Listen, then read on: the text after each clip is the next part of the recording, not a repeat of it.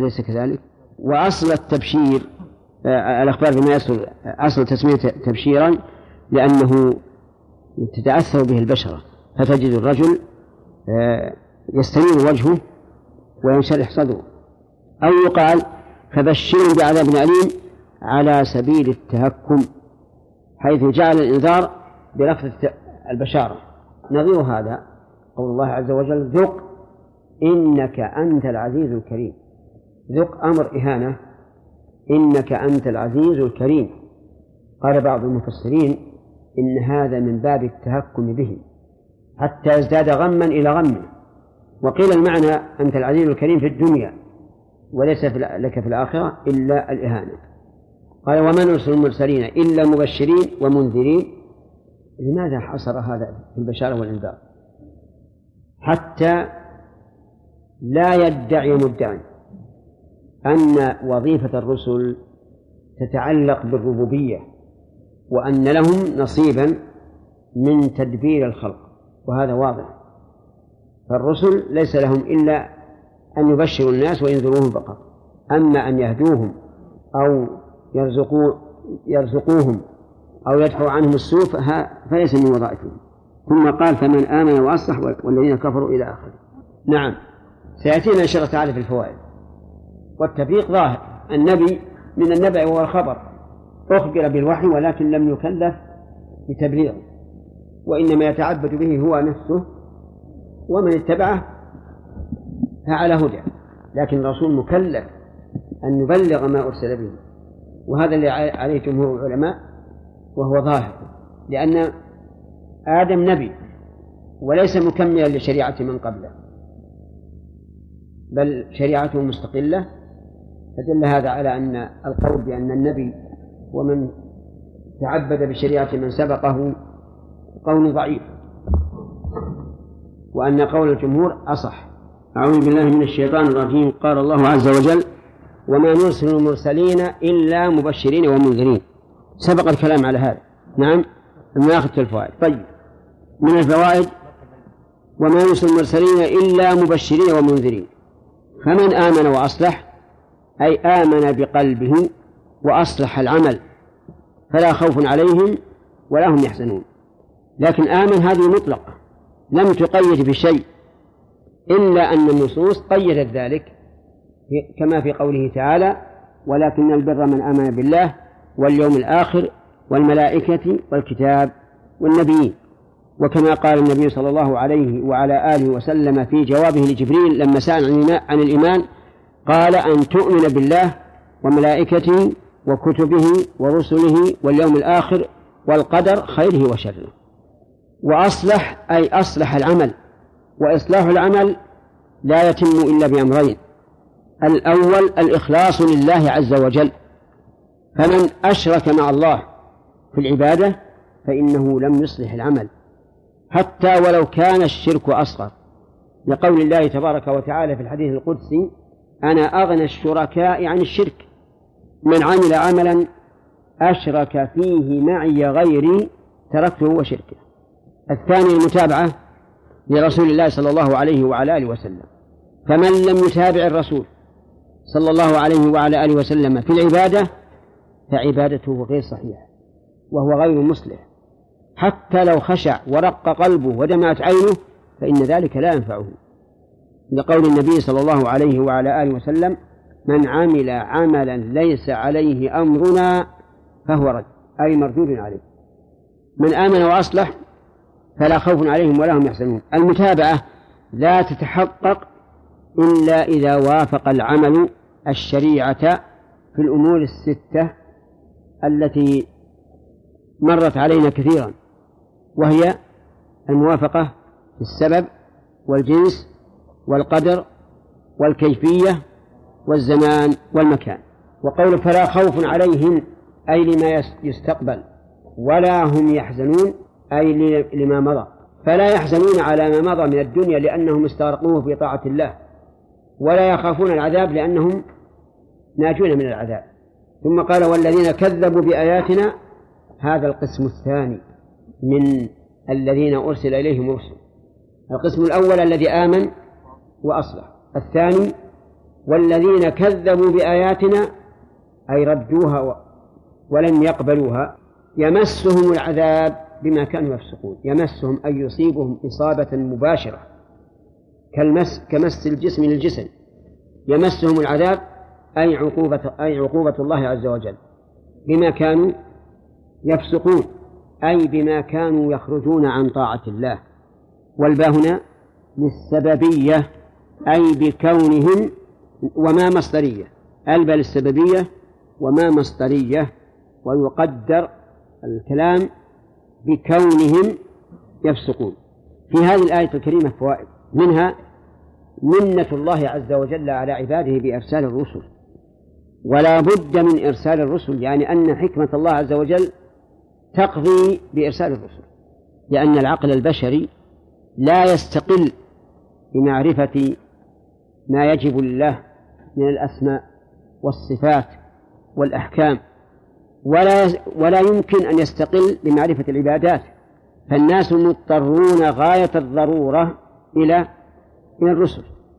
كان الناس أمة واحدة على دين واحد فلما كثروا تفرقوا واختلفوا. فبعث الله النبيين مبشرين ومنذرين وأنزل معهم الكتاب ليحكم بين الناس فيما اختلفوا فيه. ومنها أن أن رسالة الرسل تتضمن هذين الشيئين وهما البشارة والإنذار. فلمن تكون البشارة ولمن يكون الإنذار؟ تكون البشارة لمن أطاع واتبع الرسل والإنذار لمن كذب بالعقوبة. يعني بمعنى ينذر بعقوبة الله عز وجل. يتفرع على هذه الفائدة أن الرسل عليهم الصلاة والسلام لم يأتوا بمجرد الأحكام أي بمجرد أن يقولوا هذا حلال هذا حرام بل قرنوا ذلك بالبشارة والإنذار لأن البشارة تحمل الإنسان على فعل المأمور أليس كذلك؟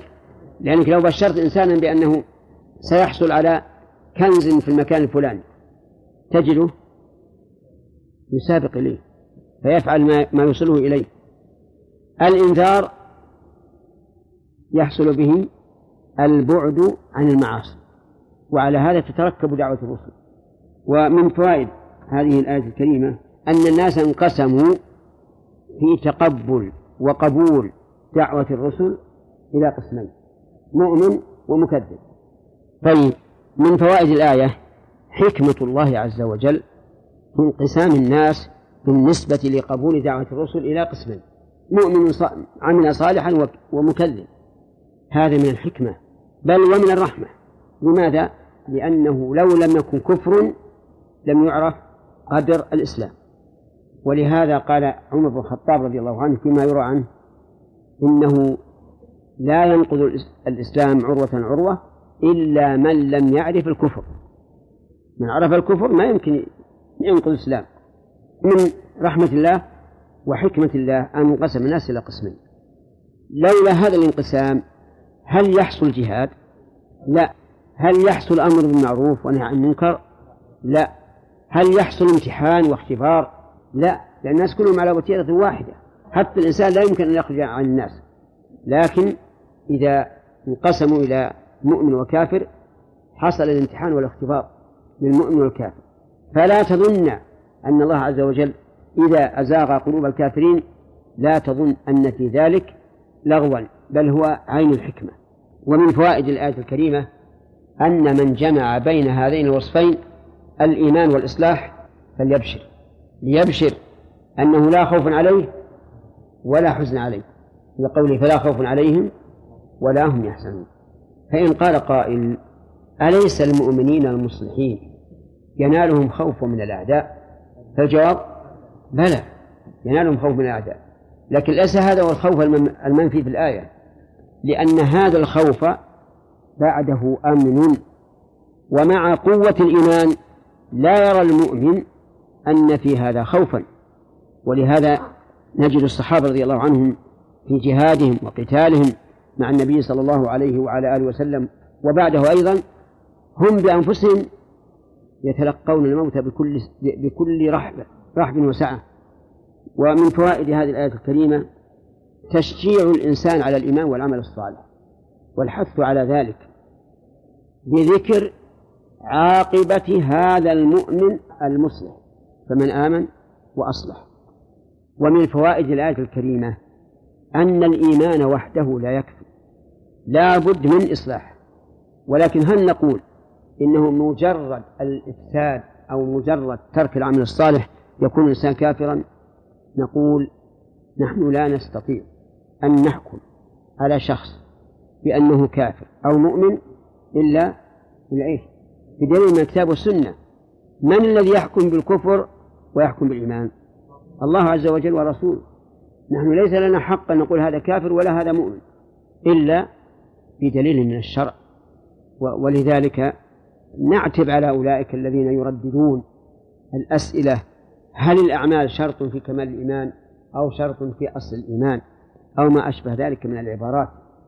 نقول كل هذا لا حاجة إليه لأن لدينا يا أخوانا لدينا أدلة واضحة. كفر من القرآن والسنة إيمان من القرآن والسنة. وإذا دار الأمر بين أن أن يكون هذا الرجل كافرا أو مؤمنا وهو من المسلمين فالأصل الأصل بقاء إسلامه ولا يحل لنا أن نكفره. هل يمكن أن نجعل الأبيض أسود أو الأسود أبيض؟ لا يمكن. كذلك الأحكام الشرعية. ما لنا حق أن نكفر أحدا إلا بدليل ولا أن نقول هذا مؤمن إلا بدليل. وبهذا نستريح من الخوض واللعب بآراء الناس وعقول الناس. ومن فوائد هذه الآية الكريمة آه، القول بالمفهوم وهو أن من آمن وأصلح فلا خوف عليهم ولا هم يحزنون ومن لم يكن كذلك. فعليه الخوف والحزن. من فوائد الآية التي بعدها أن التكذيب بآيات الله سبب للعقوبة. سبب للعقوبة. لقوله والذين كذبوا بآياتنا يمسهم العذاب بما كانوا يفسقون. وليعلم أن الآيات آيات الله عز وجل تنقسم إلى قسمين. آيات شرعية وآيات كونية. الآيات الشرعية ما جاءت به الرسل من شرائع الله. آيات شرعية. لأنك لو تأملت هذه الأحكام سواء في الأمة الإسلامية أو في الأمم السابقة لوجدتها مطابقة تماما للحكمة والمصلحة وأنه لو اجتمع كل أهل الأرض على أن يأتوا بمثل ذلك ما أتوا. قال الله عز وجل أفحكم الجاهلية يبغون؟ ومن أحسن من الله حكما لقوم يوقنون؟ فلا تظن أن أي نظام أو قانون يصلح من الخلق ما تصلحه الشريعة الإسلامية ولذلك ظل أولئك القوم الذين ذهبوا إلى تحكيم القوانين الوضعية التي التي وضعها بشر هذا البشر الذي وضعها أهو معرض للخطأ أم لا؟ معرض ثانيا أهو محيط بجميع مصالح الخلق في جميع أقطار الدنيا؟ لا أهو محيط بمصالح الخلق في جميع الأزمان المقبلة؟ لا الأمور تتغير. إذن فلا يجوز الاعتماد على هذه القوانين.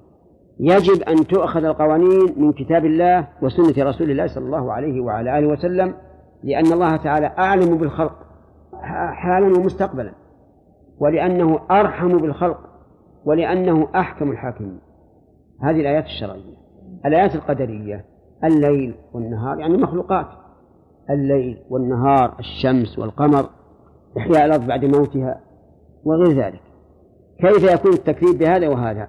نقول أما التكذيب بالشرائع فهو إما أن يكذب الأخبار فيقول هذا غير صحيح ما يدخل العقل ولا يمكن. وإما بتحريف النصوص يحرف النص مثل قول بعضهم المراد باستوى استولى والمراد باليد القدرة أو القوة أو النعمة. وما أشبه ذلك. هذا الحاد. طيب. الثالث الاستكبار عنها. لا يعمل بها. لا يعمل بها. أما آيات الله الكونية فإما أن ينسبها لغير الله. كما يفعل السببيون الملحدون الذين ينسبون الأشياء لأسبابها المحضة ويرون أن السبب فاعل بنفسه. أو يقول هي من الله ومعه غيره. هذا أيضا إلحاد. هذا أيضا تكذيب آيات الله الكونية لأنه شرك. أو يقول هي لله وحده لكن له معين. فهذا أيضا كفر بالآيات الكونية. فصار الآيات الكونية هي المخلوقات كلها والشرعية ما جاءت به الرسل من الوحي. ومن فوائد الآية الكريمة أن هؤلاء المكذبين سيصيبهم العذاب مباشرة. لقوله يمسهم العذاب. وإن أفلتوا من العذاب في الدنيا لن يفلتوا منه في الآخرة. ومن فوائد الآية إثبات الأسباب. يا عبد الله الشريف وين رحت؟ طيب إثبات الأسباب. لقوله بما كانوا يكسبون يفسقون. البل السببية. وإثبات الأسباب دل عليه العقل والسمع ولا ينكره إلا أحمق. والقرآن مملوء من هذا. ولولا أننا في زمن اختبار قريب لطلبت منكم أن كل واحد يأخذ مثلا نصف جزء ويأتي بالآيات التي فيها ذكر السبب. لأنه لأنه قد قيل إن في القرآن أكثر من ألف دليل يدل على إثبات الأسباب. وهذا حقيقة. نفس القرآن سبب. قال الله تعالى وأنزلنا إليك الذكر لتبين للناس ما نزل إليهم. وقال يبين الله لكم أن تضلوا. لكن نظرا لقرب الامتحانات أخشى أن يكون في هذا تكليف. توافقون على هذا؟ زين. إذا إن شاء الله وقت آخر. كل واحد مثلا يأخذ نصف جزء خمس ورقات ويستنبط الآيات اللي فيها الأسباب. وهي كثيرة جدا. انقسم الناس بالأسباب إلى ثلاثة أقسام. قسم جعلها مؤثرة بنفسها وأنه متى وجد السبب لازم وجود المسبب وهؤلاء هم الطبائعيون الذين لا يعترفون بالله عز وجل ولا يخفى حكمهم أنهم إيش؟ كفرة القسم الثاني أنكر الأسباب أنكر تأثير الأسباب في مسبباتها. وقال إن هذه الأسباب مجرد علامات فقط وأن المسبب حصل عند السبب لا بالسبب وهؤلاء ضلوا سمعا وعقلا حتى أنه لو رمى إنسان زجاجة بحجر وصقعها ثم تكسرت الحجر ما كسر الزجاجة ما كسر الزجاجة. ليه؟ ما ما يجوز يقول كسرت الزجاجة. لو قلت هذا لكنت مشركا. الله المستعان. أنا لو قلت هذا لكنت موحدا في الواقع. نسبة لله الحكمة.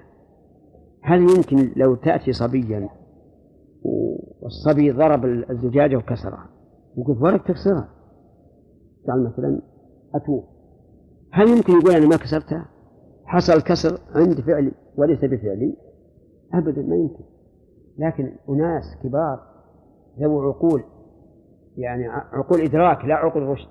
يقولون الأسباب ما تؤثر. حصل الشيء عند السبب لا بالسبب.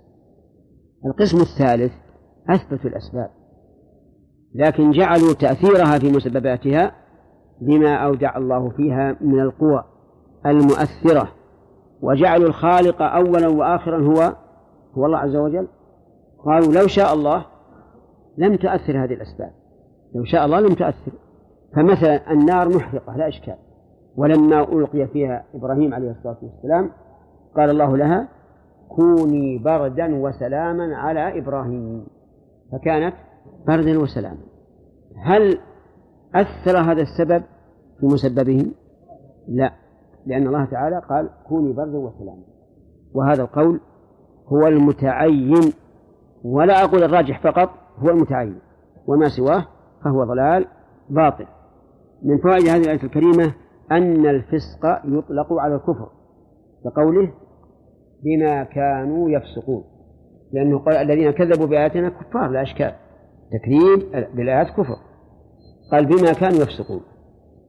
واقرأ قول الله تعالى في تنزيل السجدة فأما الذين آمنوا وعملوا الصالحات فلهم جنات المأوى بما كانوا يكسبون بما كانوا يعملون. وأما الذين فسقوا فمواهم النار. كلما أرادوا أن يخرجوا منها أعيدوا فيها وقيل لهم ذوقوا عذاب النار الذي كنتم به تكذبون. الفسق هنا إيه؟ كفر. وقد يطلق الفسق على ما دون الكفر. وهذا هو المراد من كلام الفقهاء رحمهم الله. ومنه قول الله تعالى ولكن الله حبب إليكم الإيمان وزينه في قلوبكم وكره إليكم الكفر والفسوق والعصيان. فهنا الفسوق ما دون الكفر ولا ولا الكفر؟ ما دون الكفر. يتعين. وجه التعين العطف على الكفر والعطف يقتضي المغايرة. ومن فوائد الآية تمام عدل الله عز وجل حيث إنه لم يعذب هؤلاء إلا لأنهم استحقوا العذاب بفسقهم جزاء وفاقا. فإن قال قائل جاء في الحديث الصحيح أن الله لو عذب أهل سماواته وأرضه لعذبهم وهو غير ظالم لهم. لعذبهم وهو غير ظالم لهم. الجواب لا أشكال في هذا. يعني أنه لو وقع تعذيب أهل الأرض والسماوات لكان هذا العذاب مستحقا عليهم وهو غير ظالم لهم.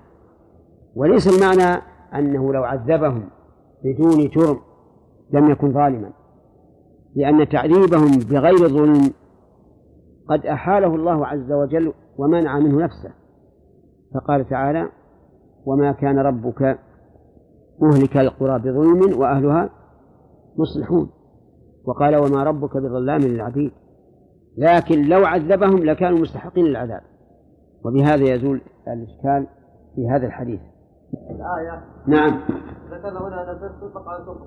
في بعض الفوائد وأن الكفر يطلق على الفسق والسؤال؟ السؤال قوله تعالى ومن لم يحكم بما أنزل الله فأولئك هم الكافرون هل هل هذا تغيير الفاظ فقط؟ تغيير الفاظ؟ إيه. وين الفاظ؟ في الآية التي بعدها. أولئك هم الفاسقون. فأولئك هم الظالمون. الظالمون ثم الفاسقون. اي نعم. وش الإشكال؟ هذه المسألة بعضهم يقول إن هذا منزل على أحوال. فمن كان حاكما بغير الله بغير ما أنزل الله فهو كافر. ومن حكم بغير ما أنزل الله لمحبته للعدوان والظلم وظلم الناس. فهذا ظالم. ومن حكم بغير ما أنزل الله لا رد لحكم الله ولكن لأن نفسه تهواه. فهذا فهذا فاسق. نضرب لهذا بثلاث حكام. حاكم حكم بالقانون ورد حكم الله وقال لا نقبله. فهذا كافر. الثاني في نفسه شيء على شخص معين وحكم عليه دون خصم. هذا نصفه بأنه ظالم. والثالث حكم بغير ما أنزل الله لا رد لما أنزل الله ولا إرادة للظلم لكن تهواه نفسه. بمعنى حكم مثل شخص بأن له الأرض الفلانية وما في ظلم لكن تهواه نفسه إما لصدقته له أو لقرابته له. أو لأنه يقول الأرض بيني وبينك. هذا نقول إنه فاسق. فينزلها على أحوال. ومنهم من قال إنها على حال واحدة وأن الكافر فاسق ظالم. كما قال عز وجل والكافرون هم الظالمون. والأقرب عندي أنها منزلة على أحوال لأن لو قلنا إن إن الأوصاف هذه على موصوف واحد صارت شبه مكررة. نعم. الذين فتشوا في هذه المسألة يعني يعني المسألة دخل الأعمال في الإيمان. هل نقول أن عندهم شيء من التشبه بالخوارج؟ هم بالحقيقة بحثهم هذا لا لا لا, لا أصل له لو أنهم سلكوا في الأحكام الشرعية ما ما ما سلكوا في في أسماء الله وصفاته. وقالوا ما, من ما ذكره الله نفسه أثبتناه وما نفع عن نفسه نفيناه. وهنا نقول من كفره الله كفرناه ومن لم يكفرنا لا نكفره لسلموا وما ضر الناس إلا مثل هذا التأويل. هذا كفر مخرج عن الملة وهذا يقول غير مخرج. نعم. حتى أن بعضهم آه، أنكر ما ورد عن ابن عباس. كفر دون كفر. وقال هذه الرواية لا تثبت. وحققها بعض تلاميذنا وقال إنها ثابتة. والعلماء كلهم ينقلونها عن ابن عباس. مقرين لها. مشهورة عنه. أعوذ بالله من الشيطان الرجيم. قال الله تعالى قل لا أقول لكم عندي خزائن الله. الخطاب هنا للنبي صلى الله عليه وعلى آله وسلم وهو أمر من الله إليه أي إلى النبي صلى الله عليه وعلى آله وسلم. وهذا أمر بإبلاغ خاص. وإلا فكل القرآن قد أمر النبي صلى الله عليه وعلى آله وسلم أن يبلغه. لكن تأتي بعض الأحكام مصدرة بقل إشارة إلى أهميتها كقوله تعالى قل للمؤمنين يغضوا من أبصارهم وقل للمؤمنات يغضضن من أبصارهن قل لعبادي الذين آمنوا يقيموا الصلاة. والأمثلة على هذا كثير فيكون في هذا الحكم المذكور يكون وصية خاصة بإبلاغه وإلا فكل القرآن قد أمر النبي صلى الله عليه وعلى آله وسلم أن يبلغه كما قال تعالى لتبين للناس ما نزل إليهم. قل لا أقول لكم الخطاب في قول لكم للمشركين المكذبين للنبي صلى الله عليه وعلى آله وسلم. عندي خزائن الله هذه مقولة قول أي لا أقول عندي خزائن الله أي خزائن رزقه. فأرزقكم وأحيي من أشاء. ولا أعلم الغيب. يعني ولا أقول لكم إني أعلم الغيب. والغيب ما غاب وهو وهو نوعان. غيب نسبي وهذا قد يعلم. فمثلا الشارع الآن فيه أناس. أنا لا أعلمهم. والذي يشاهدهم يعلمهم. هذا غيب نسبي وغيب مطلق حقيقي وهو ما غاب عن الناس كلهم. فهذا لا يعلمه أحد. كالعلم بما سيحدث في المستقبل. هذا لا يمكن أن يعلمه أحد. لا الرسول صلى الله عليه وعلى آله وسلم ولا غيره ولا أعلم الغيب. إذن الغيب كل ما غاب وهو نوعان نسبي وحقيقي. فالنسبي ما غاب عن بعض بعض الناس دون بعض والحقيقي ما غاب عن جميع الناس. والنبي صلى الله عليه وسلم لا يعلم الغيب لا النسبي ولا الحقيقي. لكن في النسبي ما شاهده علم به. ولذلك لما انخنس منه أبو هريرة رضي الله عنه وكان أبو هريرة جنوبا قال له أين كنت؟ فهو لا يعلم. كذلك لما دخل بيته وطلب الطعام وأتوا إليه بتمر وطلب اللحم قال ألم أرى البرمة على النار؟ وهنا لم يجزم بأن فيها لحم مع أنها عنده في البيت لأنه صلى الله عليه وسلم لا لا يعلم الغيب. ولا أقول لكم إني ملك. خاطبهم مخاطبة غير الأولى. يعني كرر المخاطب لأن المقام هنا وهو نفي أن يكون ملكا أبلغ وأشد. ولا أقول لكم إني ملك. والإتيان بكاف الخطاب يدل على شدة توجيه الخطاب إلى المخاطب. ولهذا اقرأوا في سورة الكهف قول الخضر لموسى. في الأول قال ألم أقل إنك لن تستطيع معي صبرا وفي الثاني قال ألم أقل لك إنك لن تستطيع معي صبرا ولا أقول لكم إني أ... نعم إني ملك واحد الملائكة. إذا هو بشر بشر من بني آدم. ثم ذكر ثم ذكر الله تعالى وظيفته التي يقولها قال إن أتبع إلا ما يوحى إلي. إن بمعنى ما فهي نافية. وإن في اللغة العربية لها معان حسب السياق. فتأتي نافية وتأتي شرطية. مثالها إن اجتهدت نجحت. وتأتي مخففة من الثقيلة. مثل وإن كانوا من قبل لفي ضلال مبين. إن كانوا من قبل لفي ضلال مبين. أي إنهم كانوا وتأتي زائدة لا معنى لها إلا التوكيد. كقول الشاعر بني غدانة ما إن أنتم ذهب ولا صريف ولكن أنتم الخزف. الصريف الفضة. طيب الشاهد في قوله ما إن أنتم ذهب فإن إن زائدة ولهذا لا لا لو قال الشاعر ما أنتم ذهبا؟ صح. ما الذي يعين هذه المعاني؟ الذي يعينه السياق. فدل ذلك على أن الألفاظ يتعين معناها بالسياق. وهو وهو مما يؤيد قول شيخ الإسلام ابن تيمية رحمه الله أن لا مجاز في اللغة. لأن الكلمة يتعين معناها بالسياق حتى وإن استعملت بمعنى آخر في غير هذا السياق طيب. إذن الذي يعين السياق. كذلك يعين المعنى القرينة الحالية لأن السياق قرينة لفظية. القرينة الحالية القرينة الحالية أن يدل حال المتحدث عنهم على المعنى مثل قوله وإن مالك كانت كرام المعادن هنا ما يمكن أن تكون نافية لأنه كان يفتخر بقومه فيتعين أن تكون مخففة من الثقيلة. إن أتبع أي ما أتبع إلا ما يوحى إلي. يعني إلا ما أوحاه الله إلي. والوحي هو إعلام الله تبارك وتعالى لأحد أنبيائه بالشرع. هذا الوحي. وسمي ذلك من الإيحاء وهو السر والإخفاء.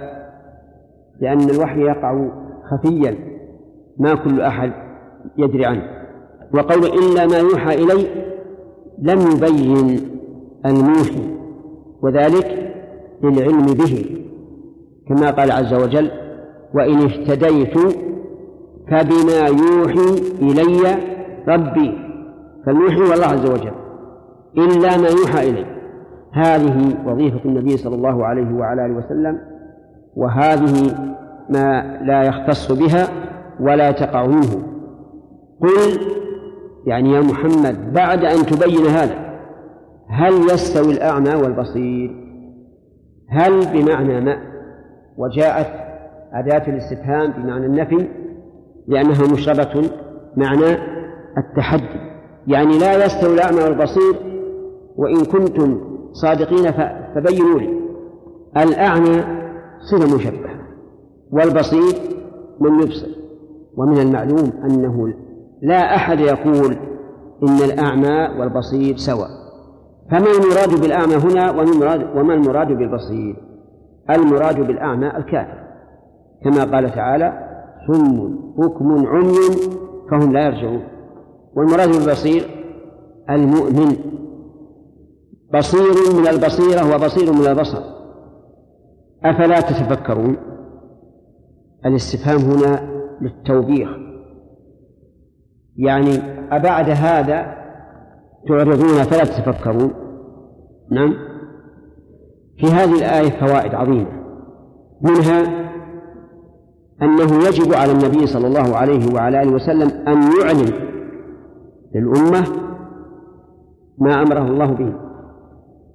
لا أقول لكم عندي خزائن الله ولا أعلم الغيب ولا أقول لكم إني ملك إن أتبع إلى ما يوحى ومنها أن ما صدر بقل بالنسبة للرسول صلى الله عليه وسلم كان ذلك دليلا على أهميته وأن الله تعالى أوصى نبيه أن يبلغه خاصة مما يدل على العناية به.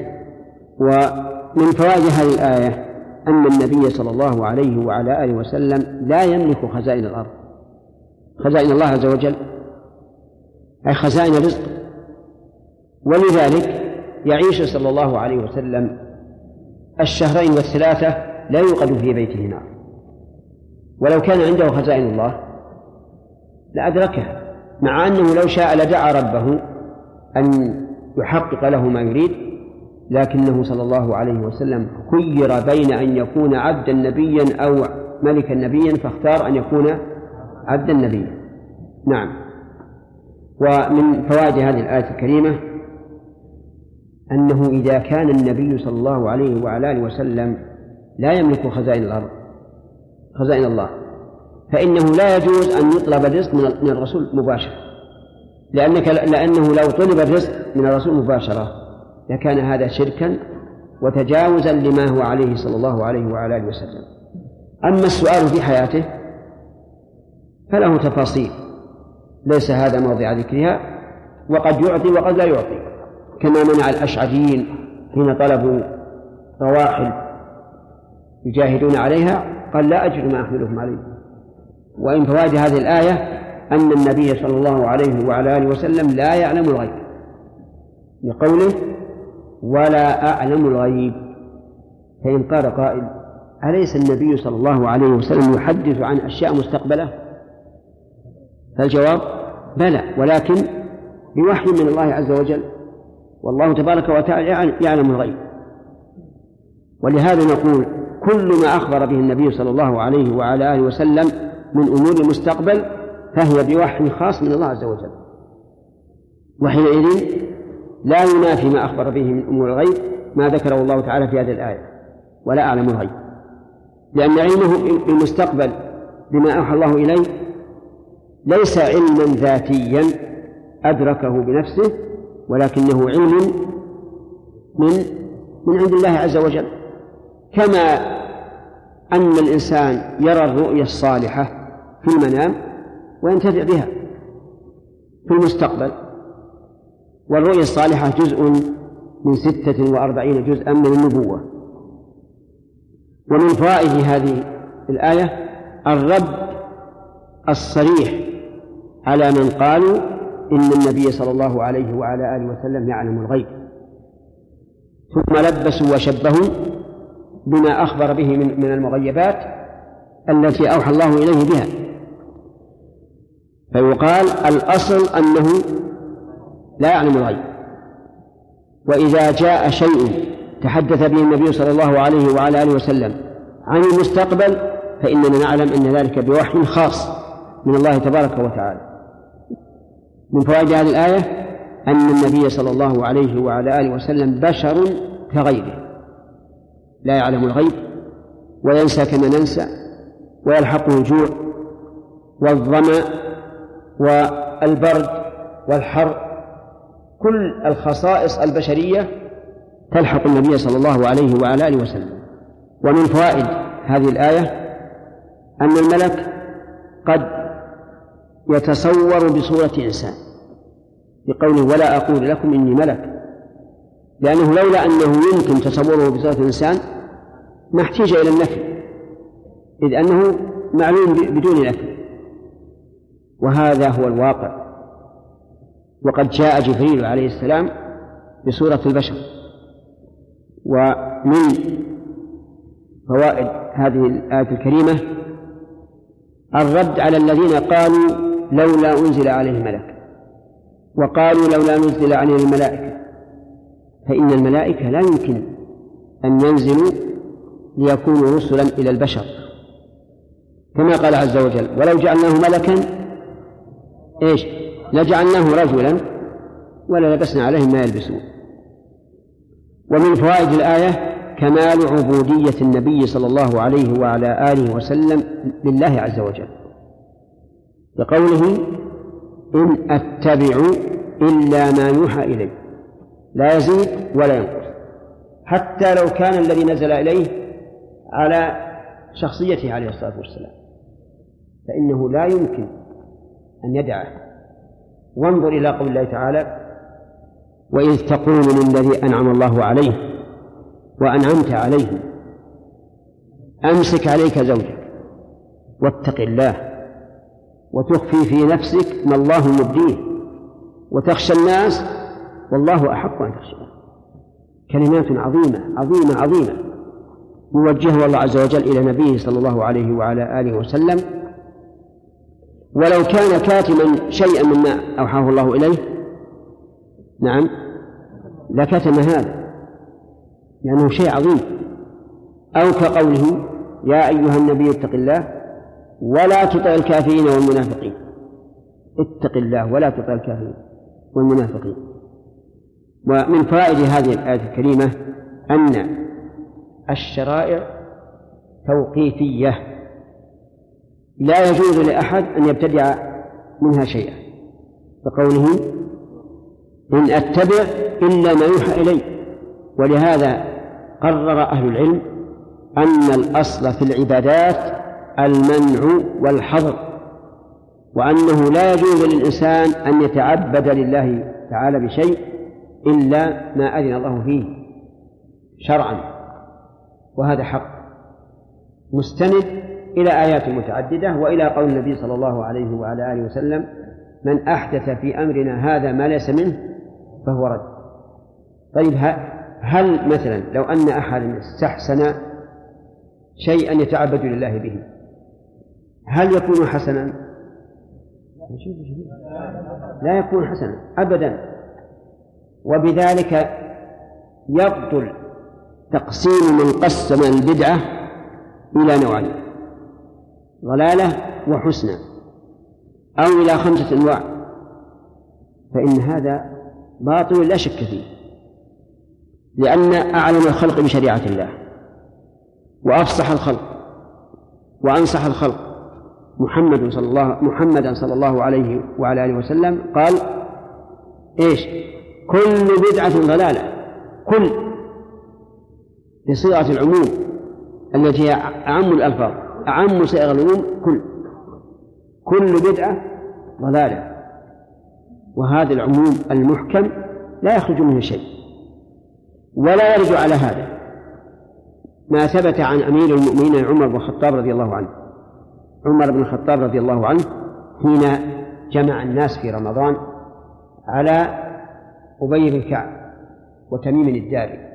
وكان الناس في بعد أن امتنع النبي صلى الله عليه وسلم من إقامة قيام رمضان بهم جماعة صاروا يقومون أفرادا أو الرجل مع الثاني أو الرجل مع اثنين وما أشبه ذلك ويحصل التشويش. خرج عمر ذات ليلة وهم على هذا. فأمر أبي بن كعب وتميما الداري أن يقوما للناس بإحدى عشرة ركعة. ففعل وقام بالناس بإحدى عشرة ركعة. ثم خرج مرة أخرى ورآهم على هذه الحال فقال نعمة البدعة هذه. نعمة البدعة هذه. فسماها بدعة وأثنى عليها. أفهمتم؟ هذا هذا الأثر استدل به جميع أهل البدع على استساغة بدعهم ونحن نجيبهم بأمرين الأمر الأول أن عمر بن الخطاب رضي الله عنه من الخلفاء الراشدين الذين بدعتهم إن صارت بدعة إيش هي؟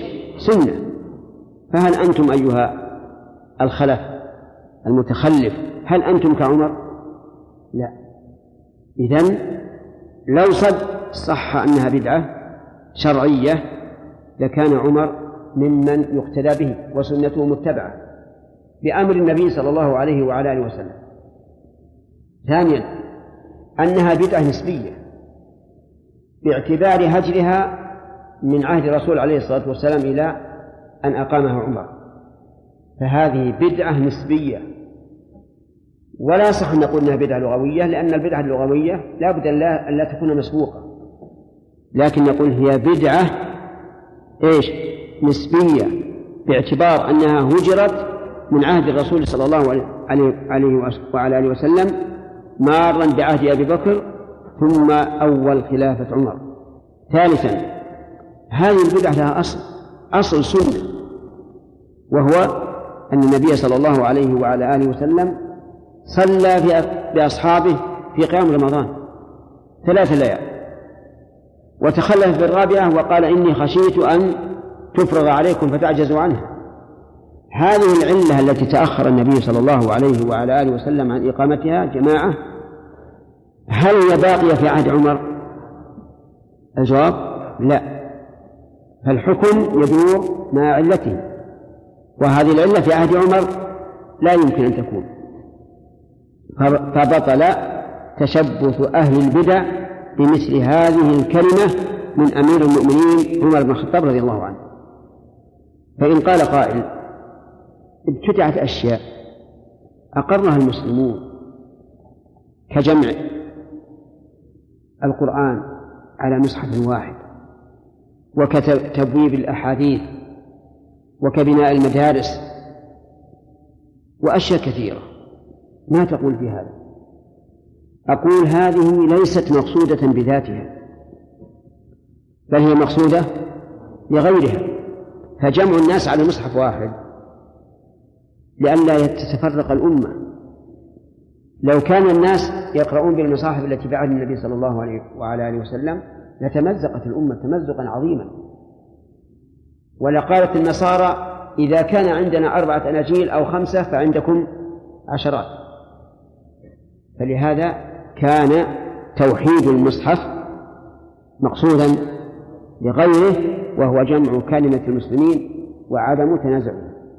كذلك أيضا تبويب الأحاديث أو جمعها على المسانيد هو أيضا مقصود لغيره حتى يتيسر على المسلمين أصول السنة.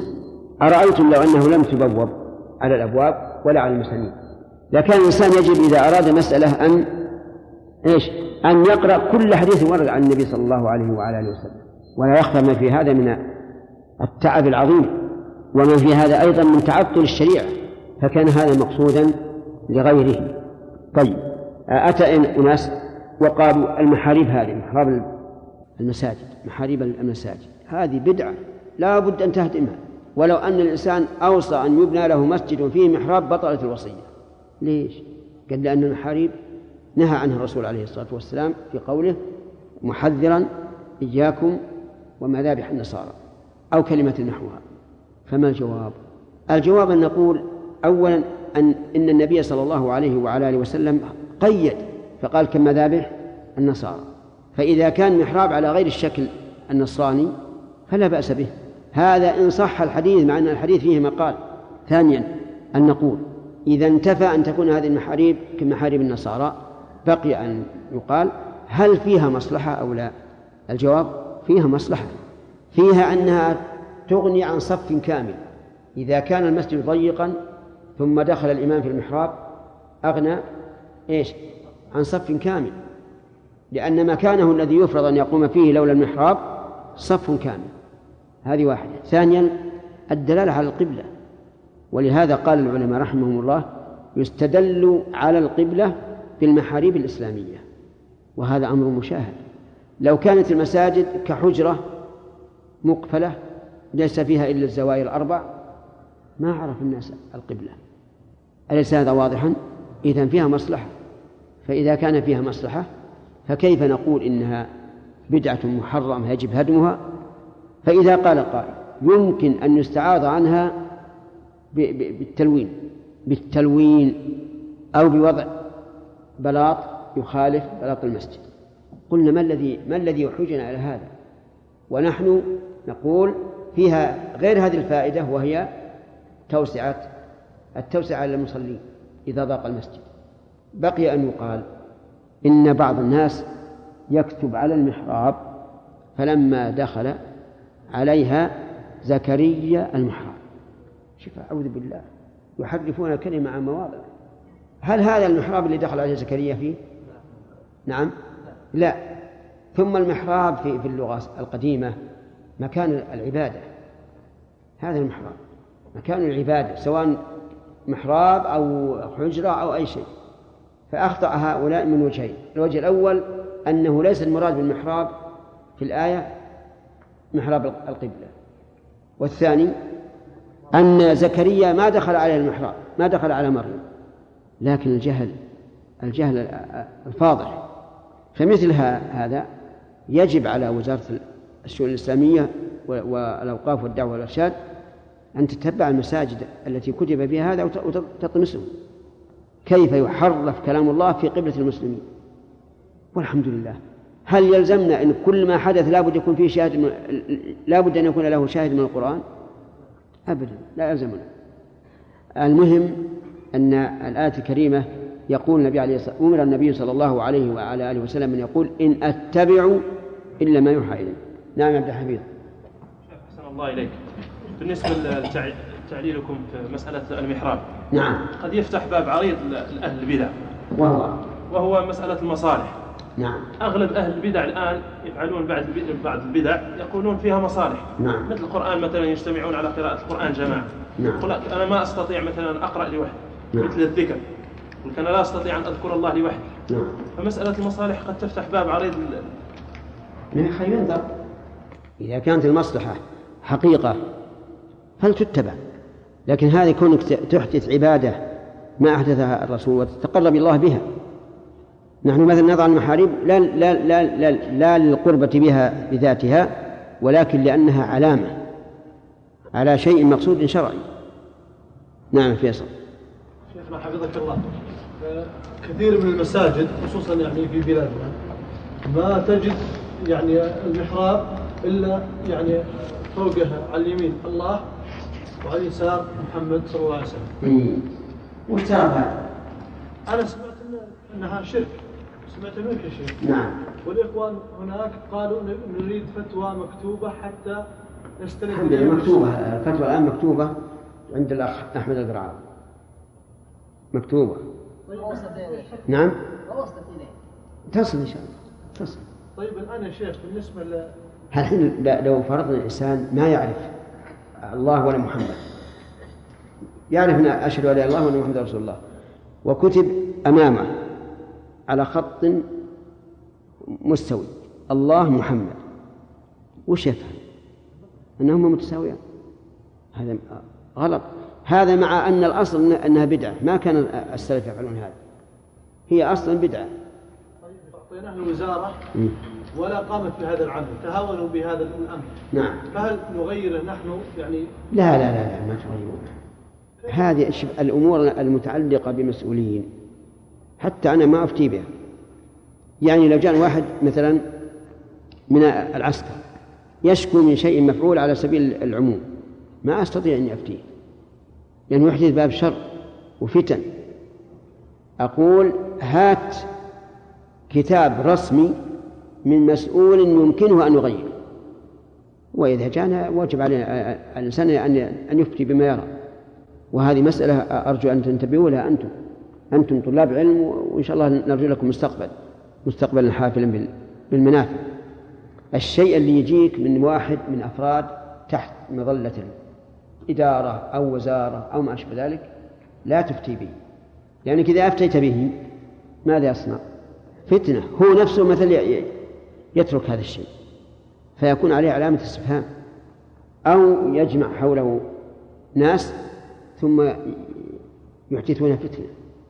لكن تقول الحمد لله اطلب من المسؤول اللي فوقك أن يكتب إلي كتابة رسمية وحينئذ يجب علي أن أفعل. نعم. بارك الله فيك. الذي يدعي علم الغيب النسبي. نعم. هل نكفره مثل اللي يستعين بالجن. نعم. هل يكفر كفر أكبر في لا لا ما يكفر كفر أكبر. يعني مثلا عنده جن يخبرون بشيء بعيد. ما نكفر وكيف نكفر نكفر وش سوى حتى يكفر؟ لكن مو من يبدأ ينزل رأسه ويتمتم أحسنت. هذه شيء عارض. يمكن نمنع لأنه عارض. لكن ما نقول هذا شرك. لو راجعتم كتاب كلام شيخ الإسلام رحمه الله بالفتاوي في إيضاح الدلالة على عموم الرسالة وفي كتاب النبوات وفي وفتوى أيضا خاصة. عرفتم الموضوع. الجن ربما ينتفع بهم على وجه مباح في أشياء مباحة. أعوذ بالله من الشيطان الرجيم. قال الله عز وجل قل لا أقول لكم عندي خزائن الله ولا أعلم الغيب ولا أقول لكم إني ملك. إن أتبع إلا ما يوحى إلي ما المراد بخزائن الله؟ عبد الله باء رفض خزائن الرزق قوله ولا أعلم الغيب جمعة. معطوف على إيش؟ إيه ليس عنده خزائن قل لا أقول لكم عندي خزائن الله. ولا أعلم الغيب معطوف على إيش؟ هنا في الأول. والمعنى ولا أقول إني أعلم الغيب طيب. ما المراد بالغيب هنا محمد؟ شرافي ان الغيب حقيقي أي نعم. وش معنى الحقيقي؟ وكذلك النسبي اصبر وك... مش معنى الحقيقي هو المستقبل إيش؟ المستقبل. مم. المستقبل وكذلك ما غاب عن المستقبل. الله إنك... لعلك نسيت. نعم. والذي لا يعرفه إلا نعم. تمام. الذي لا لا يعلمه أحد. طيب. النسبي أيضا النبي صلى الله عليه وسلم لا أنا أسأل عن النسبي ما هو الغيب النسبي يعلمه بعض دون بعض أحسن تمام. هل النفي هنا للمعنيين جميعا يا فراس أو للأول؟ لهما. يعني ما غاب عن النبي صلى الله عليه وعلى آله وسلم ولو كان مشاهدا لغيره؟ لا يعلمه. طيب. في هذا رد على طائفة غلت في رسول الله صلى الله عليه وسلم. آدم. يعلم الغيب إيه. أحسنت. ومنه قول البوصيري ومن علومك تمام. طيب. ولا أقول إني ملك. عبد الحفيظ ملك إيش؟ الملك. واحد من الملائكة. ومن الملائكة؟ عالم غيبي. كمل نعم عالم غيبي آه، لا يعصون الله ما امرهم ويفعلون خلقهم الله لعبادته. طيب. ما معنى قوله إن أتبع إلا ما يوحى إلي؟ يلا فهد. إن أتبع إلا ما يوحى إلي. نعم. هل المراد ما يوحى إن أتبع إلا ما يوحى إلي من العبادات أو من المعلومات؟ يعني علم الغيب لا أعلمه ولا أتبع إلا ما, ما أوحاه الله إلي. وكذلك لا أتعبد له إلا بما أوحى إلي. إلى هنا وقفنا. ولا لا؟ لا حتى الفوائد وصلنا إلى هذا من فوائد هذه الآية الكريمة كمال تعبد النبي صلى الله عليه وسلم لله لقوله إن أتبع إلا ما يوحى إلي ومنها إثبات وحي الله له بقوله إلا ما يوحى إلي وأنواع الوحي مذكورة في قوله تعالى وما كان لبشر أن يكلمه الله إلا وحيا أو من وراء حجاب أو يرسل رسولا فيوحي بإذنه ما يشاء.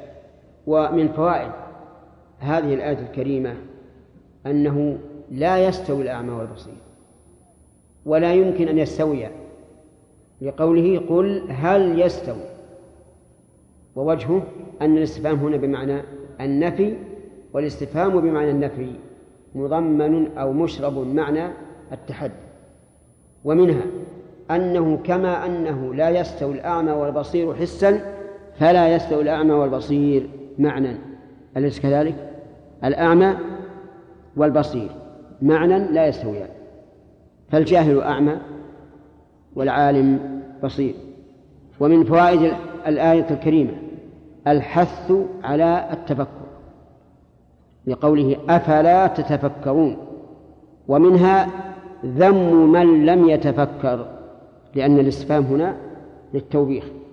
ولكن التفكر في إيش؟ التفكر في الأمور على حسب الواقع. لا يتخيل أشياء لا تمت للواقع بصلة. ولا يتفكر في أشياء لا يمكنه الوصول إليها. فلو أراد أحد أن يتفكر في ذات الله عز وجل فإنه لا يجوز ممنوع لأنه لا يمكن الوصول إليه. ولو أراد أن يتفكر في كيفية النزول إلى السماء الدنيا فلا يجوز. لأن ذلك لا يمكن الوصول إليه.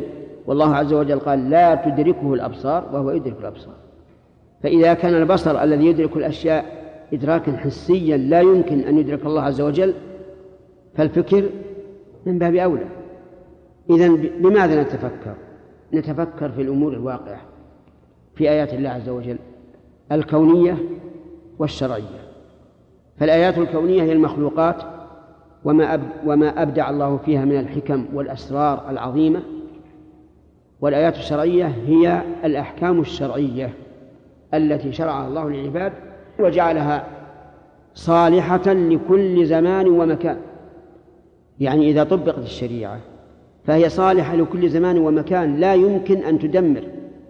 وهنا نقف لنذكر من توسل بهذه العبارة إلى تكييف الشريعة حسب الواقع فإن هذا غلط عظيم. والواجب تكييف الواقع حسب الشريعة. وإذا كيف الواقع حسب الشريعة صلحت الأمور. أما أن نكيف الشريعة على الواقع ويكون لنا في كل زمان شريعة أو في كل مكان شريعة أو في كل أمة شريعة فهذا يعني أن أن الشريعة تبدل. وتعدل وتدخلها الأهواء وهذا شيء ممتنع.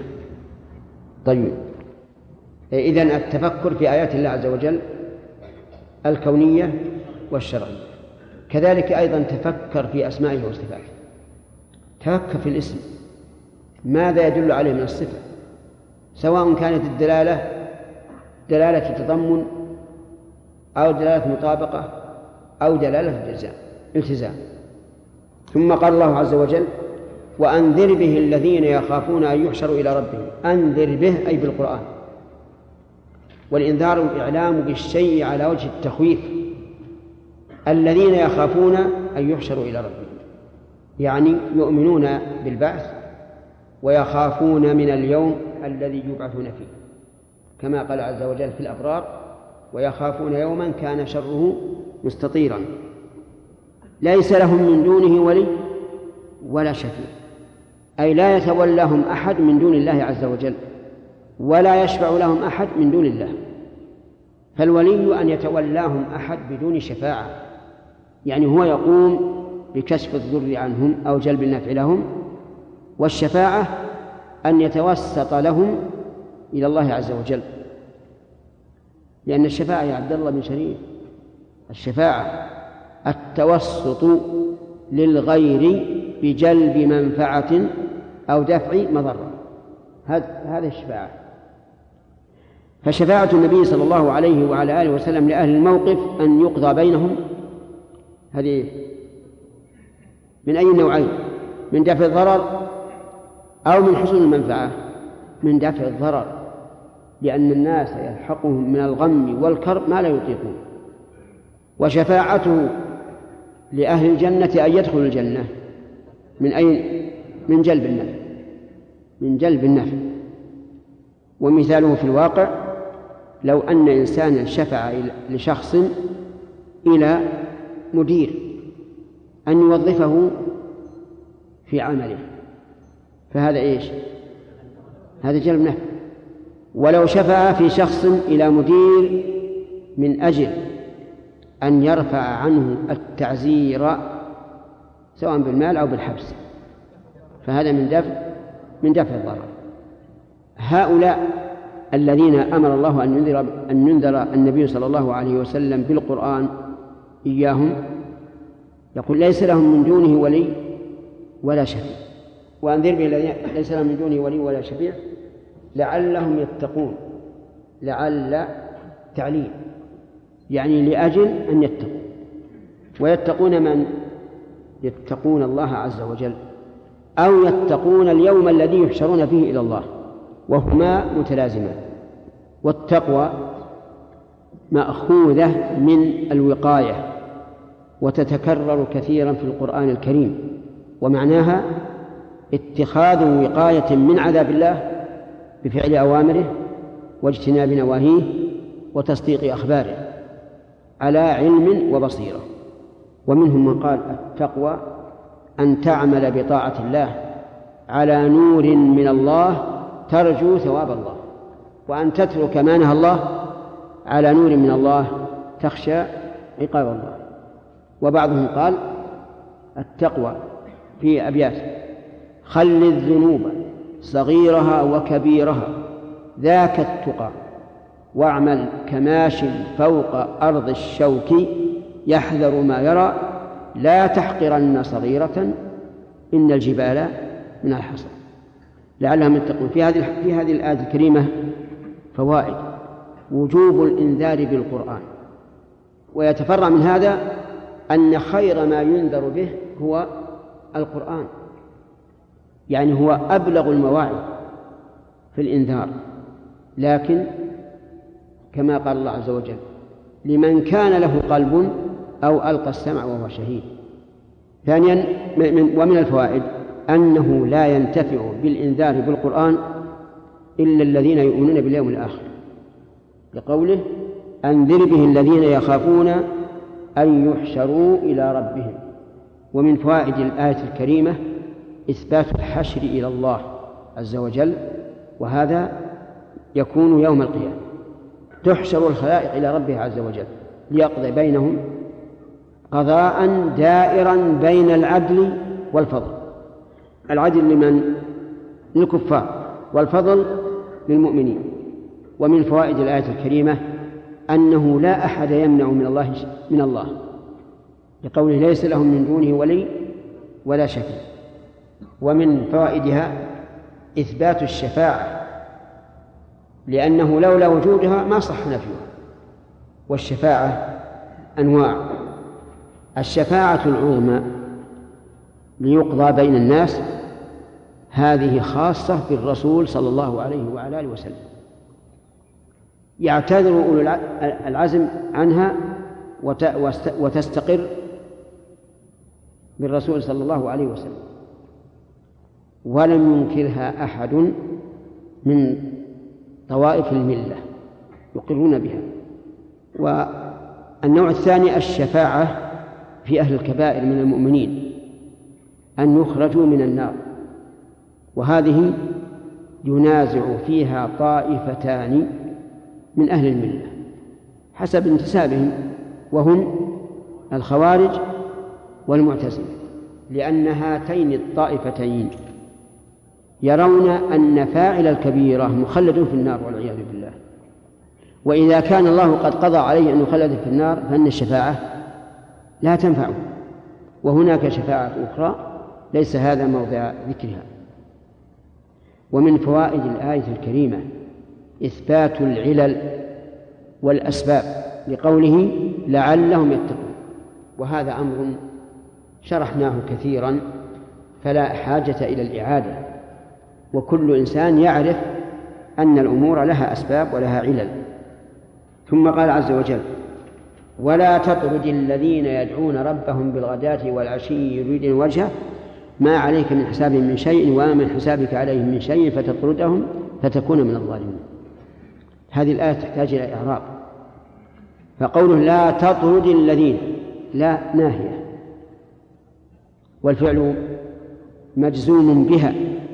ولكنه حرك بالكسر لالتقاء الساكنين. الثاني قول ما من حسابك عليه من شيء. نعم. ما من إيه. ما عليك من حسابه من شيء وما من حسابك عليه من شيء. فيها شيء مبتدأ لكن دخل عليها حرف الجر الزائد فعمل به لفظا لا محلا. ولهذا نعرف من حرف جر زائد إعرابا وشيء مبتدأ. فتطردهم الفاء للسببية والفعل بعدها منصوب بها على رأي الكوفيين وبأن مضمرة بعدها على رأي البصريين. ولكن هي جواب لأي للنهي أو للنفي لأن سبق الآن نفي ونهي. لا تطرد نهي.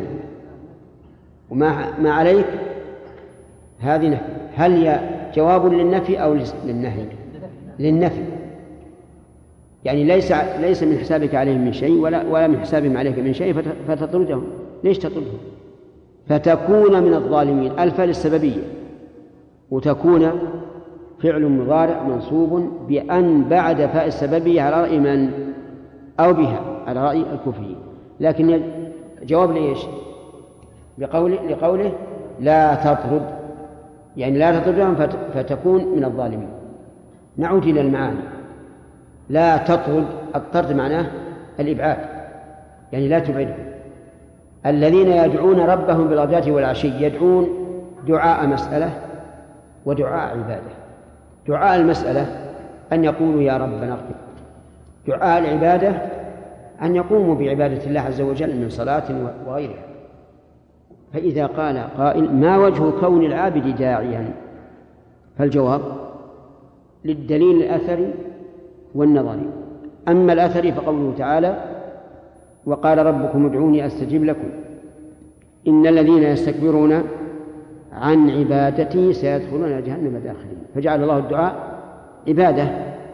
وأما كون العبادة دعاء فلأن العابد لو سئل لماذا تعبد لماذا تعبد الله؟ لقال أرجو ثوابه وأخاف عقابه. إذا فهو دعاء بلسان الحال لا بلسان المقال على أن كثيرا من العبادات لا يخلو من دعاء صريح. وقول بالغداة والعشي ألب هنا بمعنى في. وتأتي الباء بمعنى في كثيرا كما في قوله تعالى وإنكم لتمرون عليهم مصبحين. كمل. وبالليل يعني في. فهل هناك من حكمة أن تأتي الباء بمعنى في؟ اعلم أن القرآن الكريم لا يمكن أن يعدل أن يعدل عن الشيء المتعارف لغة إلا لسبب. السبب هنا أن الباء التي للظرفية أشربت معنى الاستيعاب لأن الباء تأتي للاستيعاب. كما في قوله تعالى امسحوا برؤوسكم. وكما في قوله وليطوفوا بالبيت العتيق. البل الاستيعاب أي أنهم قد استوعبوا الغداة والعشي بالدعاء. والغداة أول النهار والعشي آخر النهار. وقوله عز وجل يريدون وجهه حال من الفاعل في يدعون. المعنى أنهم مخلصين لله. لا يرجون بذلك رياء نعم لا يريدون بذلك رياء ولا سوء. ما عليك من حسابهم من شيء وما من حسابك عليهم من شيء. يعني أن حسابك ليس عليهم وحسابهم ليس عليك. وإذا كان كذلك فلماذا تطردهم؟ دعهم يحضرون مجالسك ينتفعون بها وينفعون بها. ليس عليك من حسابهم من شيء ولا ولا ولا من حسابك عليهم من شيء. فتطردهم هذه مبني على قوله ما عليك من حسابهم من شيء وما من حسابك عليهم من شيء. فتكون من الظالمين. في هذه العبارة تلطف في مخاطبة النبي صلى الله عليه وعلى آله وسلم حيث لم يقل فتكون ظالما. قال من الظالمين. وهذا فيه شيء من التسلية. أن هناك من هو ظالم. والظالمون كثيرون. ومعلوم أن كون الإنسان مع عالم يشارك يشاركونه في الوصف أهوى من كونه ينفرد بذلك. فتكون من الظالمين. في هذا الحديث الآية الكريمة فوائد. منها تحريم طرد المؤمنين الصالحين. من فوائد هذه الآية الكريمة الثناء على أولئك القوم الذين يحضرون جلسات النبي صلى الله عليه وعلى آله وسلم بما ذكر الله عز وجل أنهم يدعون الله بالغداة والعشي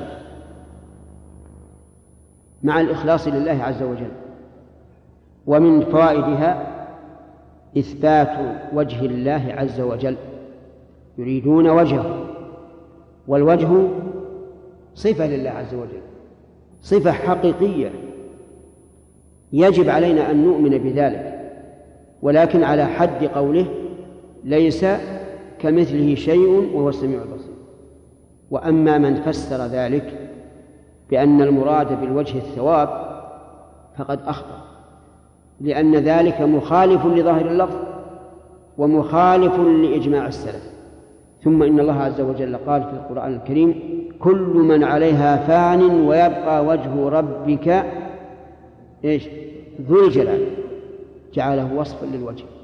فهل يمكن أن يقول قائل إن الثواب موصوف بأنه ذو الجلال والإكرام؟ الجواب لا. وتأمل هذا مع قوله تعالى تبارك اسم ربك ذي الجلال والإكرام. فجعلها بالجر صفة لرب. ولم تكن بالرفع صفة للاسم مع أن أسماء الله عز وجل لها من الجلالة والتعظيم ما لها. ولكن نسأل الله العافية.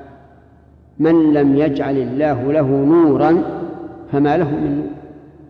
وسبحان الله ما أدري ماذا يلاقي الإنسان ربه يوم القيامة. إذا كان الله تعالى قد قال ويبقى وجه ربك وقال يريدون وجهه وما أشبه ذلك من الآيات ثم يقول لا وجه لك يا رب. والمراد بوجهك الثواب. ما أدري كيف يستطيع الإنسان أن يجيب الله عز وجل. والمسألة ليست جدلا دنيويا ومغالبة دنيوية المسألة عقيدة يجب على الإنسان أن يتهيأ للجواب عنها يوم القيامة. الإنسان قد يتخلص في الدنيا بالمجادلة والمغالبة لكن عند الله لا ينفع كما قال عز وجل ها أنتم هؤلاء جادلتم عنهم في الحياة الدنيا؟ إيش؟ فمن يجادل الله عنهم يوم القيامة؟ هؤلاء نقول أنتم إذا غلبتم في الجدل في الدنيا لكن هل تغلبون الله عز وجل يوم القيامة؟ لا والله ما يغلبون. المسألة خطيرة وفي ظني أن هؤلاء المحرفين لمثل هذه الآيات أنهم عند تلاوتها وتحريفها ينسون أنهم سيقابلون الله عز وجل. وإلا لو كانوا على ذكر ما ذهبوا يحرفون الكلمة عن مواضعه. في أعظم الأشياء إذا كانت آيات الأحكام وأحاديث الأحكام تجرى على ظاهرها وهي أحكام للعقل فيها مجال فكيف لا تجرى هذه الأخبار العظيمة على ظاهرها؟ وهي تتعلق بمن؟ بالله عز وجل. ومن فوائد هذه الآية أن كل إنسان لا يحاسب عن الآخر. ما من حسابك عليه من شيء وما من حساب نعم. ما عليك من حسابه من شيء وما من حسابك عليه من شيء. وهذا العموم مقيد بما إذا لم يفرط الإنسان في حق أخيه. فإن فرط جوزي على ذلك. ولهذا قال العلماء رحمهم الله يجب على الإنسان إذا رأى نائما وقد ضاق الوقت عن الصلاة يجب أن يعلمه أن يوقظه مع أن النائم معذور ليس عليه إثم. لكن أنت أيها اليقظان يجب أن تعلمه توقظه وتعلمه. لو لم تفعل صار عليك من حسابه لكن هو في الحقيقة من حسابه والواقع أنه من حسابك أنت لأنك لأنك تركت الواجب. وكذلك قال العلماء يجب على من رأى شخصا يريد أن يتوضأ بماء نجس يجب عليه إيش؟ أن يعلمه. ويجب على من رأى في ثوب أخيه بقعة نجسة أن ينبهه عليها. لقول الله تعالى وتعاونوا وتعاونوا على البر والتقوى. ومن فوائد هذه الآية كمال عدل الله عز وجل لأنه خاطب نبيه بهذا الخطاب القوي من أجل قوم من أصحابه. هو أي النبي صلى الله عليه وسلم عند الله أعظم جاها وأعلى منزلة. لكن الله عز وجل حكم عدل. حكم عدل يقضي بالحق سبحانه وتعالى. ومن فوائد هذه الآية أن منع الإنسان حقه ظلم وإن لم يكن عدوان يعني بضرب أو أخذ مال لكن إذا منعه حقه فإنه ظالم. لقوله لا تطرد فتكون من الظالمين. وهذا حق. ولهذا قال النبي صلى الله عليه وعلى آله وسلم مطل الغني ظلم. مع أن هذا لم يأخذ من مال الفقير مثلا لكن مماطلته يعني منع حقه. فكل من منع صاحب حق من حقه فهو ظالم له كما لو اعتدى بأخذ شيء من ماله. ثم قال عز وجل وكذلك فتنا بعضهم ببعض ليقولوا أهؤلاء من الله عليهم من بيننا أليس الله بأعلم بالشاكرين؟ كذلك فتنا بعضهم ببعض أي أضللنا بعضهم ببعض. ليقولوا أهؤلاء من الله عليهم من بيننا يعني أن الأغنياء لا يؤمنون. فتنة. لماذا لا يؤمنون؟ يقولون كيف يسبقنا إلى الإيمان هؤلاء؟ فنحن لا, لا نؤمن. وهذه فتنة. فتنة قد تقع من, من الإنسان. أن يقول شيء ابتدأه فلان أنا لا أشارك فيه مثلا. أو شيء عمله فلان لا أعمل فيه. ولهذا قال ليقولوا أهؤلاء من الله عليهم من بين اللام هنا للعاقبة وليست للتعليل. المعنى فتن بعضهم بعض فقال أهؤلاء من الله عليهم من بيننا؟ والاستفهام هنا للتحقير مثل قوله مثل قولهم وإذا مثل قوله تعالى وإذا رأوك إن يتخذونك إلا هزوا إيش؟ أهذا الذي بعث الله رسولا؟ فالمعنى في قول أهؤلاء من الله عليهم بنا الاستفهام هنا إيش؟ للتحقير قال الله عز وجل ردا عليهم أليس الله بأعلم بالشاكرين؟ يعني وقد علم أن هؤلاء يشكرون الله إذا أنعم الله عليهم وأما أنتم فلا. فهو رد عليهم في هذه الآية من الفوائد أن الله سبحانه وتعالى يفتن بعض الناس ببعض فيضل بسبب الآخر وهذا واقع. تجد مثلا تفتح باب مساهمة في الخير فيسبق فلان وفلان وفلان فيقول الآخرون شيء تدخل فلان ما ما نوافق ولا نبي ولا يمكن يسبقوننا واضح؟ هذا واقع. طيب صلة الآية التي قبلها واضحة جدا لأن الذين يأتون إلى الرسول عليه الصلاة والسلام ويجلسون عليه فقراء وأما الملأ فلا يجلسون لأنهم يحتقرون هؤلاء ويقولون أهؤلاء من الله عليهم من بيننا. ومن فوائد الآية الكريمة إقرار الكافرين بأن الإيمان والإسلام منة من الله تعالى. لقولهم أهؤلاء من الله عليهم من بيننا ومنها أن أعداء المؤمنين يأتون بكل أسلوب للتنفير عن المؤمنين. لقولهم أهؤلاء من الله عليهم من بيننا. وهذا مشاهد في كل شيء. الرسل عليهم الصلاة والسلام هل ذكر أعداؤهم ما ينفر عنهم من الأوصاف؟ نعم. اقرأ الآية العامة الجامعة الشاملة. كذلك ما أتى الذين من قبلهم من رسول إلا قالوا ساحر أو مجنون أتواصوا به بل هم قوم طاغون كذلك أيضا أعداء أهل التعطيل من أهل السنة والجماعة. يصفهم أهل أهل التعطيل بأوصاف تنفر عنهم.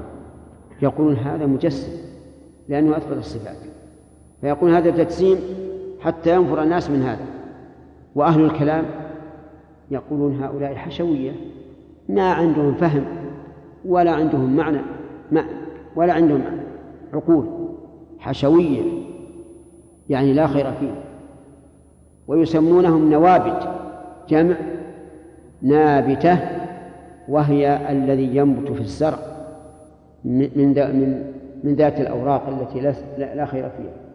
على كل حال ألقاب السوء لأهل الخير من أهل الشر لا تزال موجودة. ولكن هل يصمد صاحب الخير أمام هذه الألقاب أو ينهزم؟ الواجب أن يثبت ولا ينهزم. لأنه إذا انهزم ليس انهزاما لشخصه بل هو انهزام للحق الذي جاء به أو الذي كان عليه.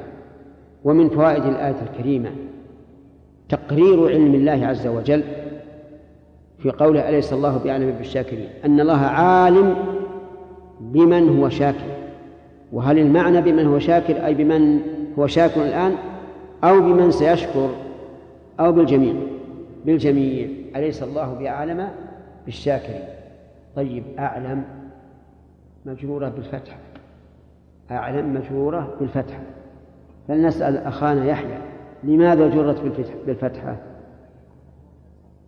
لأن آه، الوصفية وزن أي ما يخالف وزن أفعل؟ طيب. ولكن نقول وزن الفعل يكون أعم. طيب تمام.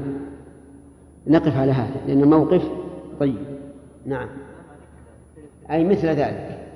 أي مثل ذلك.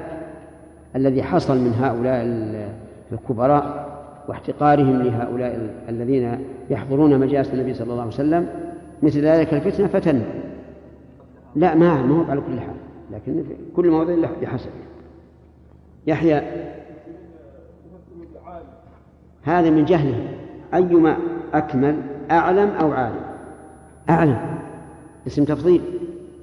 وعالم ليس اسم تفضيل. ما يمنع التساوي. سبح اسم ربك الأعلى. يقول سبح اسم ربك العالي. نعم. حتى لو قالوها فهم مخطئون. الله أعلم حيث يجعل رسالته. الله عالم. سبحان الله. الله يصف رب نفسه بالأكمل. وأنتم تنزلونه. فإذا قالوا إنك إنك إذا قلت أعلم فأنت قارنت بينه وبين العالمين العالمين الآخرين وفضلته عليه. قلت نعم. وأنتم إذا قلتم عالم وصفتموه بما يوصف به الآخرون به الآخرون بدون بدون تفضيل. فانظر كيف صار تحريفهم حجة عليه. نعم. تحريف مثل قوله إن الذين فتنوا المؤمنين والمؤمنات. أي السياق هو المعين للمعنى. ومن ثم قلنا إنه لا مجاز في اللغة ولا في القرآن. جمعة. لا المراد تقرير هؤلاء. تقرير ما ذهب إلى هؤلاء من أن نقول المؤمن بسيط والكافر أعمى. هل يستوي هذا وهذا؟ ما يستوي. قلنا شامل الأمرين. حسا ومعنى. آدم.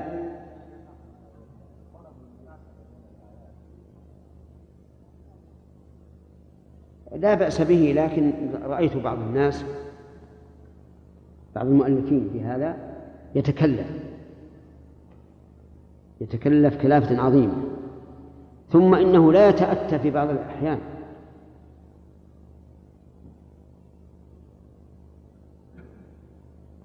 قال الله عز وجل حافظوا على الصلوات والصلاة الوسطى وقوموا لله قانتين فإن خفتم فرجالا أو ركبانا فإذا أمنتم فاذكروا الله كما علمكم ما لم تكونوا تعلمون.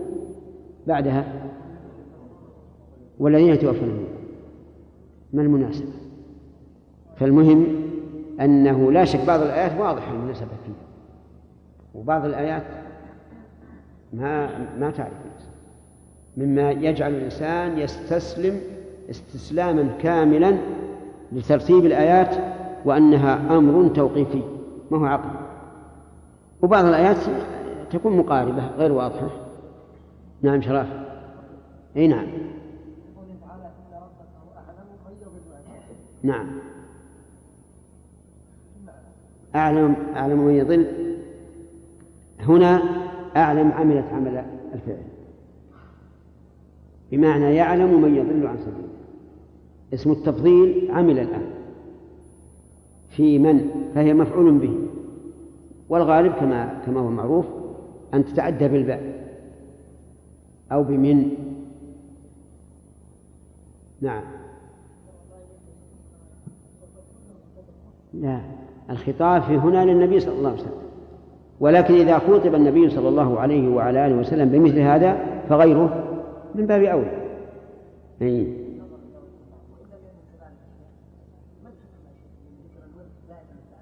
هذا سؤال جيد. يقول في هذه الآية دلالة على رؤية الله عز وجل. لقوله يريدون وجهه. وهذا صحيح. يعني يصح أن يجعلها من الأدلة على إثبات رؤية الله تبارك وتعالى. لأن أفضل شيء وأطيب شيء لأهل الجنة أن ينظروا إلى وجه الله عز وجل. اللهم اجعلنا من من ينظر إليك. ولهذا يجب التنبه لبعض من من بعض من بعض الأذكياء المصنفين. قال الزمخشري صاحب الكشاف وهو جيد في اللغة والبيان. هو جيد في البلاغة وفي اللغة وكل من بعده كلهم عيال عليهم يأخذون كلامه.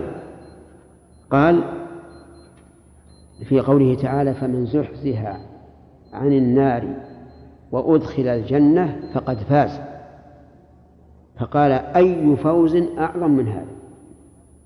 أي فوز أعظم من هذا؟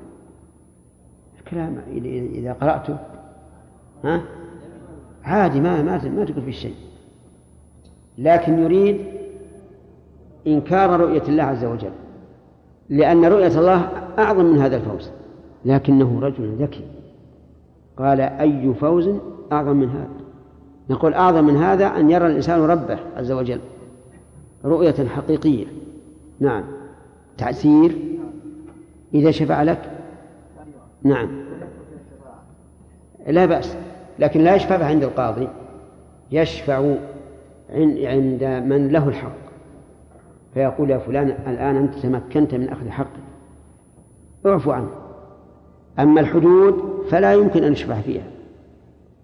لإن كان النبي صلى الله عليه وسلم ذلك على أسامة قال أتشفع في حد من حدود